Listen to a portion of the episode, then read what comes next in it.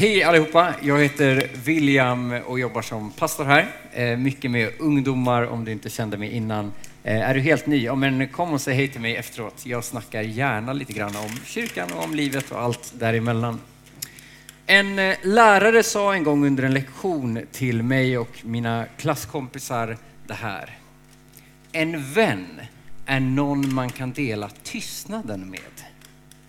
Och jag tänkte helt ärligt eh, att vi ska testa det.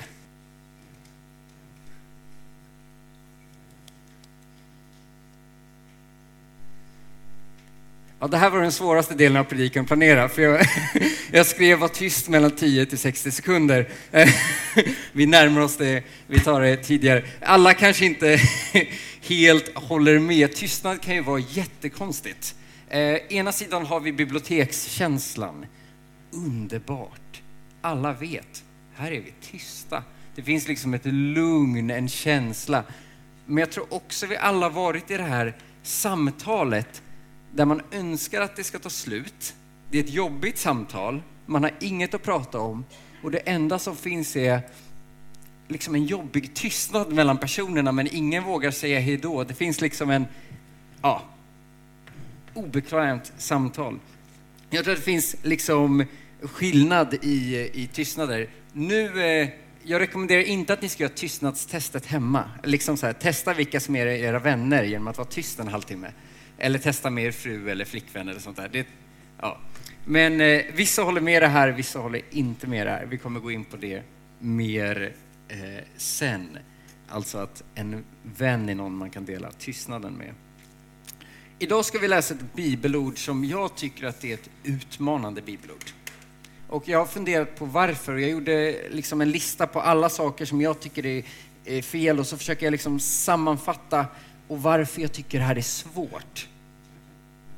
Och liksom den korta förklaringen är, vad jag har skrivit är att, att de som vi brukar tänka gör rätt, gör faktiskt här fel. Det här är personer som man ofta har som förebild. Det är från Gamla Testamentet. De i Nya Testamentet ser tillbaka och säger, de där gör rätt. Men vi vet också att i vissa delar av livet så går det fel. Och det här är just ett sånt tillfälle och det är inte en liten grej. Det är människor som kommer till skada och, och jag känner liksom, ah! Det, det är ett jobbigt bibelord just av det sättet att det är något som inte känns helt rätt. Det handlar om Abraham, Abraham kallades han då, och Sara som kallades Saharja. Ehm, de hade fått lovade av Gud att de skulle bli ett stort folk. De skulle få vara en välsignelse för alla runt omkring. Så, att, eh, eh, så Gud sa att kolla på stjärnorna, lika många stjärnor ska era efterkommanden bli och folk ska bli välsignade av er. Ni ska få göra en skillnad och de är så här, wow! Det liksom är någonting, Gud har bara pekat ut en väg. Om ni ska få förändra och förvandla den här vägen, världen. Men det fanns ett problem. De fick aldrig något barn. De väntade och väntade och försökte, och vi ska inte gå in på den delen, men, men de väntade och väntade och åren gick och de fick inget barn. Och jag gissar att de många gånger pratade om, men Gud lovade oss ju. Och till slut hamnar det i, och det här är vad jag tycker är den svåra situationen. Sara och Abraham pratar och de kommer överens om att okej, okay, om inte Sara kan bli gravid så kanske Sara slavinna kan bli gravid med Abrahams barn. Hagar, en slavinna från Egypten. Och, och det blir faktiskt så att, att Hagar blir gravid med Abrahams barn. Och jag tycker det är en sån svår situation, tycker jag det här. Man läser och märker att även karaktärerna, personerna i Bibeln, tycker det blir svårt. Jag tycker att man läser in en irritation hos Abraham. Han förstår att det han har gjort är fel. Det här var ju äktenskapsbrott. Och så, så kan man läsa om hur, hur Sara blir arg och irriterad och ledsen över det här också. Och sen har vi Hagar, en gravid slavinna. Och jag vågar faktiskt inte ens säga vad hon känner, vad hon tänker i den här stunden. Och, så det blir en, liksom en knasig situation. Abraham som är trons fader. Det här är liksom en av de stora gångerna som han inte litade på Gud. Och istället sa jag kanske kan ta det i egna händer. Vad som händer i alla fall är att eh, eh, Hagar och Sara ryker ihop lite, eller Sara blir irriterad på Hagar och Hagar väljer att fly. Hon lämnar det hem hon hade och hon flyr ut i ingenstans. Hon är gravid, hon är ensam. Det är en utmanande situation. Och vi kommer läsa från Första Mosebok kapitel 16, vers 7 framåt. Eh, men Herrens ängel fann henne, alltså fann Hagar, vid en vattenkälla i öknen, den källa som ligger vid vägen till Tjur. Hon sade, eller han sade, Hagar, Sarjas slavinna, varifrån kommer du och vart går du? Hon svarade, jag är, jag är på flykt från min husmor Sarja, eller Sarai. Då sade Herrens ängel till henne, gå tillbaka till din husmor och ödmjuka dig under henne. Och Herrens ängel fortsatte, jag ska göra dina efterkommande så talrika att man inte kan räkna dem. Sedan sade Herrens ängel till henne, se, du är havande och du ska föda en son. Du ska kalla honom Ismael, för Herren har hört hur du har lidit. Han ska vara som en vildåsna. Hans hand ska vara mot alla och allas hand ska vara mot honom. Och hon, tog, och hon gav ett namn åt Herren, nej, ehm, och han ska bo mitt emot alla sina bröder. Och hon gav ett namn åt Herren som hade talat med henne. Hon sade, du är Gud som ser mig. Du är den Gud som ser mig. För hon tänkte, har jag fått se en skymt av honom som ser mig. Här benämner Hagar Gud. Gud, du är den som ser mig.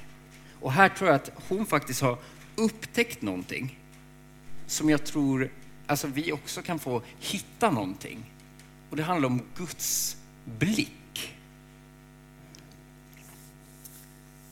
För henne så verkar det vara någon slags, något som händer i det här samtalet. Där faktiskt Guds blick får vara tröstande och helande.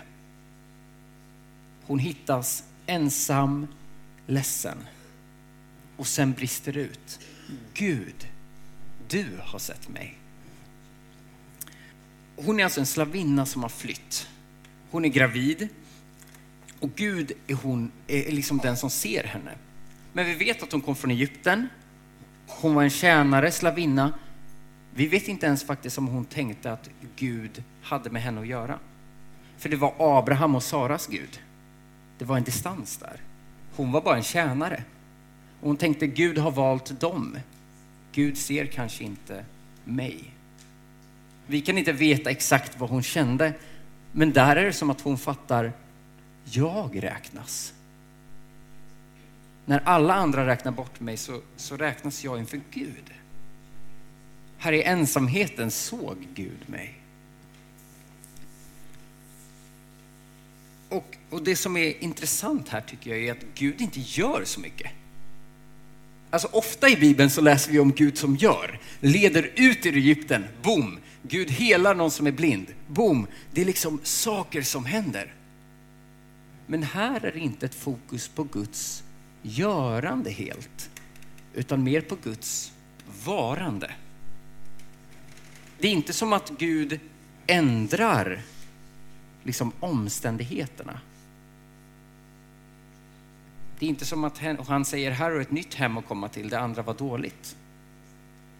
Utan han säger, vart är du på väg och vart kom du ifrån? Och svaret är att hon kan säga det första. Jag kom från det här stället. Men hon ser ingen framtid, så hon svarar aldrig ens på den andra frågan. Vart ska du? Gud ber henne gå tillbaka och det kan vi diskutera mycket. Varför, hur, var. Men det vi kan upptäcka är faktiskt att här verkar det som Gud gör inte vara att han ändrar omständigheterna utan att hans närvaro får vara det som förändrar. Han möter henne. Han liksom bekräftar henne. Han säger, jag har sett att du har lidit. Och det är att han bara, hon upplever att Guds närvaro är så mycket så att hon säger, ja men Gud har sett mig. Fatta att det får vara nog, inte att saker ändras. Utan att bara förstå att Gud är närvarande. Okej, okay, um, har ni någonsin uh, uh, antingen varit med om eller sett ett samtal mellan en väldigt känslomässigt investerad person och en väldigt rationell person? Ehm, den känslomässiga kanske har ett problem eller något som har gått fel och är väldigt arg, väldigt ledsen, väldigt förvirrad och kan inte se någon utväg och känner väldigt mycket. Och sen glider den smidiga, rationella personen in. Lite så här glatt. Ja, men det är ju bara att göra, gör det, gör det, gör det, gör det, så löst. Vad bra. Och då i drömvärlden så hade ju alla blivit glada av det här. Men min erfarenhet att den, att den känslomässigt investerade personen inte egentligen vill ha problemen lösta, utan egentligen vill ha sina känslor bekräftade. Eh, och att det här egentligen mer skapar en, en större irritation. Jag vill inte att du ska lösa mina problem, jag vill att du ska se mig, att du ska liksom känna mina känslor. Och så blir det liksom något glapp mellan att prata känslomässigt och prata rationellt. Inget är kanske rätt eller fel, men, men en person som är väldigt känslomässig kanske först behöver höra, jag ser dig, hur mår du, vad känner du? Så här skulle vi kunna göra. Likadant kanske en rationell person som är mer åt det hållet känner mitt i när den möter problem, inte att den behöver ha det här åh vad mjukt och fint det är, det kommer bli bra och det här känslomässiga. Den vill ju kanske ha ett steg framåt och sen få lära känna känslorna som finns. Men det finns ju liksom en, en balans mellan det prata rationellt med lösningsorienterat och prata känslomässigt, vad som är liksom investerat.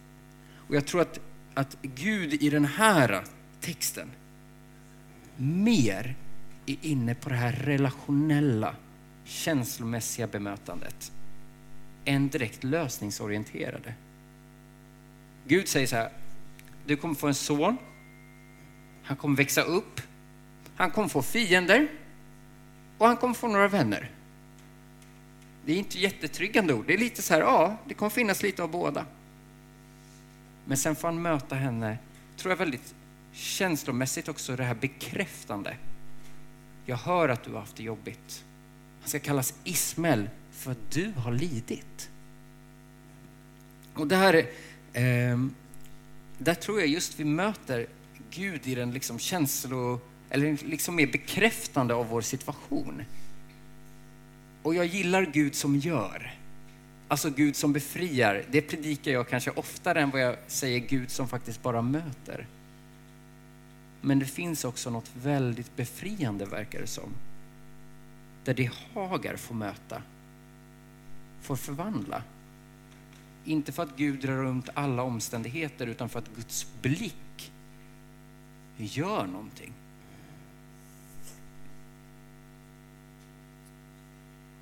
Guds blick verkar vara tröstande och helande på ett sätt som är svårt att förklara. För Hagar väljer att gå tillbaka. På något sätt efter att ha mött Gud säga att det här är guden som ser. För han såg mig. Moder Teresa, ehm, en känd katolsk nunna, hade en intervju med Dan Rather för ett bra tag sedan. Eh, det var en, en lång intervju och det finns ett litet utkast av det här som just diskuterar vad snackar hon om när hon ber? Jag googlade hur många timmar ber Moder Teresa så jag kunde liksom göra en minut längre än det varje dag. Eh, ni förstår, helgelseprocess blir liksom mer lik Jesus. Det stod ungefär tre timmar per dag eh, så jag gav upp det. det. Men hon fick frågan, vad säger du när du ber? Det är jätteintressant. Och, och hon svarar att hon inte säger något, utan bara lyssnar och den här intervjuaren blir lite så här, okej, okay, okej, okay, du lyssnar på Gud. Vad säger Gud då? Så han ställer liksom en fråga, men vad säger Gud när du lyssnar? Då är det här är citatet. Han säger ingenting. Han lyssnar. Ni kan förstå att, att den här intervjupersonen blir väldigt funderad. Två lyssnande personer i ett rum. Eh, och så säger hon, och om du inte förstår det så kan jag inte förklara det. Det tror jag, hon säger inte det så här kaxigt, haha, jag kan. Utan, utan lite mer liksom uppbyggande. För jag tror att där Moder Teresa har hittat någonting i faktiskt varandet med Gud. Som får vara förvandlande, får vara vad det är. Där hon får sitta på en stol och säga att jag lyssnar på Gud. Jaha, vad gör Gud då? Han lyssnar på mig. Alltså det är en spännande konversation, men i mitt huvud är det nästan som att man säger att man sätter sig ner och säger Vad gör du? Nej, men jag kollar mot Gud. Och vad gör du då? Eller vad gör Gud? Ja, men han kollar faktiskt tillbaka. Och den blicken tror jag kan göra någonting som är svår att förklara och hon säger just det.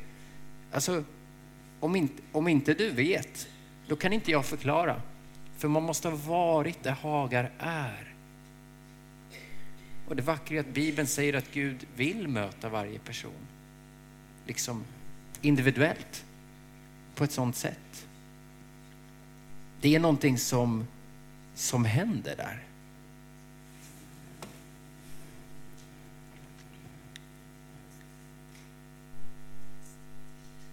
Ett varande. Um, mina kompisar har, eh, ja, eh, jag vet inte om ni själva har varit med om det här, men det här Gud ser dig, William. Den har man fått några gånger. Eh, alltså, och då är inte mina kompisar från kyrkan utan mer kompisarna runt omkring som är så här, haha, Guds blick, uh, läskigt. Man går ut och får igen, kollar upp och så ser man de här vita och blåa och så ser det ut som ett öga. Om du inte har sett det i foajén, eh, kolla upp när ni kommer ut så kommer ni se liksom, uh, ett öga. Eh, nej men det finns något läskigt med Guds blick tror jag, som, som i alla fall folk som inte har upplevt Guds kärleksfulla blick liksom porträtterar. Och med Guds blick är dömande, farlig. Ja, nu ser Gud när du gör fel. Men Bibelns beskrivning av Guds blick tror jag är mer helande, mer uppbyggande, mer tröstande. Och hela grejen i Bibeln är ju att i Gamla Testamentet när det står att Gud vänder bort sitt ansikte, då är det typ det värsta som kan hända. Men när Gud vänder sitt ansikte mot den, så är det det bästa som kan hända. Det är inte att Gud säger någonting, utan att Gud bara vänder sin närvaro mot den. Det är därför vi säger i välsignelsen, ja men, alltså vänd ditt ansikte mot oss Gud. Vi ber om det, för att det händer något i den närvaron. Vare sig du håller med eh, det här om att en vän är någon man kan dela tystnaden med eller inte. Den, eh, jag kommer inte ta den kampen. Det är inte en, ett berg värt att dö, för, dö på. Ehm, men jag hoppas du ska kunna känna att, att faktiskt Gud är någon du kan dela tystnaden med. Inte en tystnad av frånvaro, utan en tystnad av närvaro. Sen är frånvarons tystnad jobbig. Men jag tror att det också finns en, en närvaro att hitta i Guds tystnad. Så hur gör man det? Ja, det finns, vi är lite olika slags personer här med lite olika mängder tid och lite olika liksom, personlighetsdrag. Eh, men du skulle kunna ta fem minuter nu under fastan, inte pastan. Eh, fem minuter under fastan varje dag. Sätta dig ner, sätt på en timer, av med mobilen och bara säga, här är jag Gud så märker du tankarna försvinner iväg, får man försöka komma tillbaka. Och någon annan kanske har ännu mer tid, men kör en Moder Teresa. Testa det en dag. Tre timmar. Och vissa får lite panik redan nu. Eh, Pelle Hörnmark höll en predikan tidigare år där han sa så här till ett gäng pastorer. Han bara, ja, gör så här. Ta med dig ett block och Bibeln. Åk till en stuga ute i ingenstans. Och, eh, och var där 24 timmar då kommer du upptäcka hur lång tid det är. Ni behöver inte göra det, men ta tre timmar en dag. av med mobil eller sätt en timer på tre timmar så att du inte ens vet vad klockan är.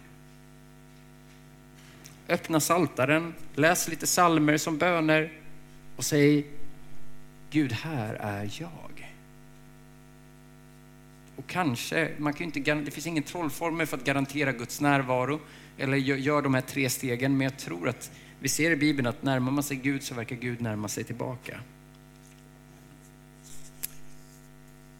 Så vad, vad är det korta sagt som jag vill säga med dagens predikan?